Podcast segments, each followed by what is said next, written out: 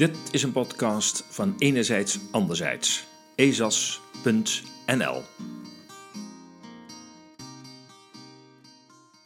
Pesterijen overheid tegen vrije journalisten. Mocht in Nederland eerst de maker van Blackbox TV, Flavio Paschino, bezoek krijgen van de politie, in Duitsland wordt het spel nog een gaatje harder en systematischer gespeeld. Oude tijden lijken te herleven en ongemerkt dwalen wij steeds verder weg van een democratische en vrije samenleving.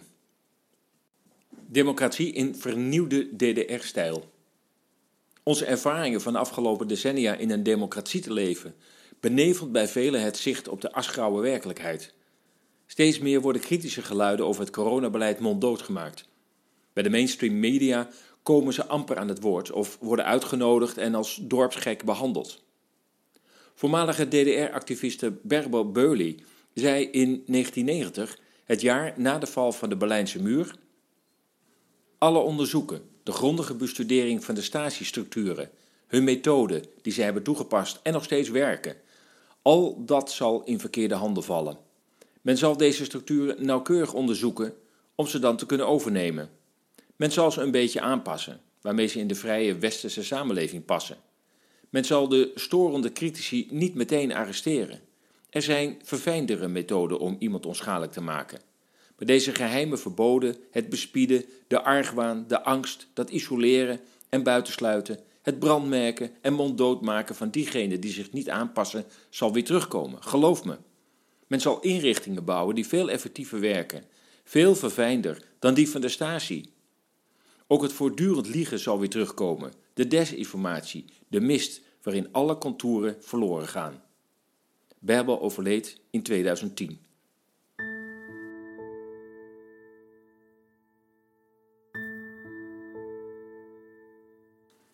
Het mag een godsbe heten dat uitgerekend Angela Merkel nu een DDR 2.0 lijkt terug te brengen naar het Duitsland van 2021. Inmiddels worden de incidenten in Duitsland tegen critici steeds openlijker en geraffineerder werd als eerste de advocaat Beate Baner uit Heidelberg opgepakt en kortstondig in een psychiatrische kliniek opgesloten. Vele critici hebben inmiddels de regeerstijl van de Merkel-regering persoonlijk ondervonden. Zo moest journalist Ken Jepsen zijn woon- en werkplaats Berlijn verlaten omdat hem aan alle kanten het leven zuur werd gemaakt. YouTube heeft zijn gehele, door een miljoenen publiek bezochte YouTube-kanaal gewist. Zijn bankrekeningen zijn geblokkeerd en de toezichthouder op de media, de Medienanstalt Berlin-Brandenburg, nu ook internet tot haar werkgebied rekenend, heeft gedreigd het mediakanaal geheel te verbieden. Duitsland valt terug in oude gewoonten. Een andere vrije journalist, Boris Reitschuster, leidde 16 jaar lang het mediabureau in Moskou van het Duitse magazine Focus. Eind 2011 moest hij Rusland na massale bedreigingen verlaten en bleef hij het bureau bijna vier jaar lang vanuit Berlijn leiden. Hij is geboren in Augsburg, is auteur van verschillende bestsellers, vertaler van Michael Gorbachev en schreef voor talrijke media, waaronder de Washington Post, The Guardian, de Frankfurter Allgemeine, de Wiener Zeitung en de Münchener Merkur. Hij is gastheer van een wekelijks politieke talkshow op de Russisch-talige Duitse zender Ost-West TV en is docent aan het Instituut voor Internationale Politiek en Economie Haus Rissen in Hamburg. Hij woont in Berlijn en is regelmatig bezoeker van Rusland, Oekraïne en vele andere staten in Oost-Europa. Reitschuster schroomt niet om zich bij de persconferenties van Angela Merkel en Jens Spahn te melden en daar, tot zichtbare ergernis van beide, vragen te stellen die de andere aanwezige mediajournalisten zorgvuldig trachten te vermijden. Maar ook Reitschuster heeft de eerste pesterijen van de overheid ervaren. Zo schrijft hij in een recent bericht. Toen ik zaterdag naar Moskou reisde, vertelde de ambtenaar van de grenspolitie op de luchthaven van Berlijn dat ik uitgeschreven was. En blijkbaar in strijd met de wet. Waar ik me tot nu toe nooit bewust van was. Iets over laster, zei hij. Precieze reden wist hij niet. Toen werd mij gevraagd uit te leggen waar ik woonde. In mijn woonplaats, antwoordde ik en voegde er laconiek aan toe. U kunt het ook vinden op mijn identiteitskaart en in uw computer. De agent was net zo verbijsterd als ik en schreef op wat ik hem vertelde. Het duurde een halve eeuwigheid voor ik verder kon. In ieder geval Het is een zenuwenoorlog. Na 16 jaar in Rusland heb ik, godzijdank, wel wat stalen zenuwen gekregen. Einde citaat.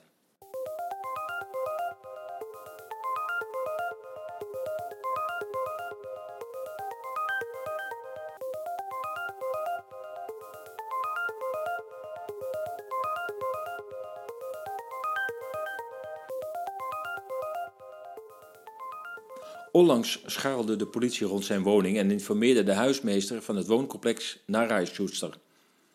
Je moet onverschrokken zijn om onder die druk verder te gaan. Inmiddels is ook zijn tweede bankrekening geblokkeerd door de Nederlandse ING-bank, in Duitsland opererend onder de naam ING DIBA. De bank schreef in een toelichting, citaat, Wegens de voorschriften in zaken gegevensbescherming kunnen wij u helaas geen informatie over de rekeningen en rekeninggegevens verstrekken. In principe kunnen wij als bank rekeningen echter gewoon opzeggen, zonder opgave van redenen, en met inachtneming van een opzegtermijn van twee maanden. Einde citaat.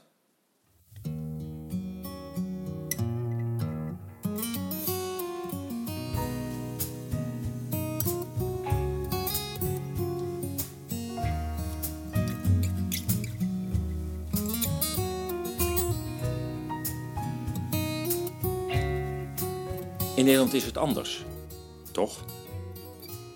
Televisiemaker en oprichter van Blackbox TV Flavio Paschina heeft ook al enige tijd geleden bezoek van de politie gehad.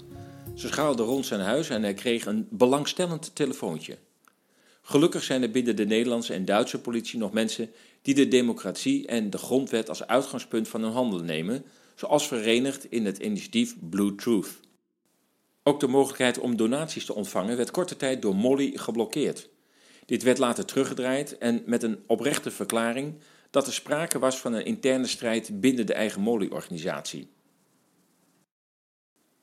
De gedroomde democratie. We moeten langzaam ontwaken uit onze droom, nog in een vrije en open samenleving te leven. De meerderheid zal het worst zijn. Wie zijn nieuwsvoorzieningen uit de MSN haalt, zal voorlopig rustig kunnen slapen.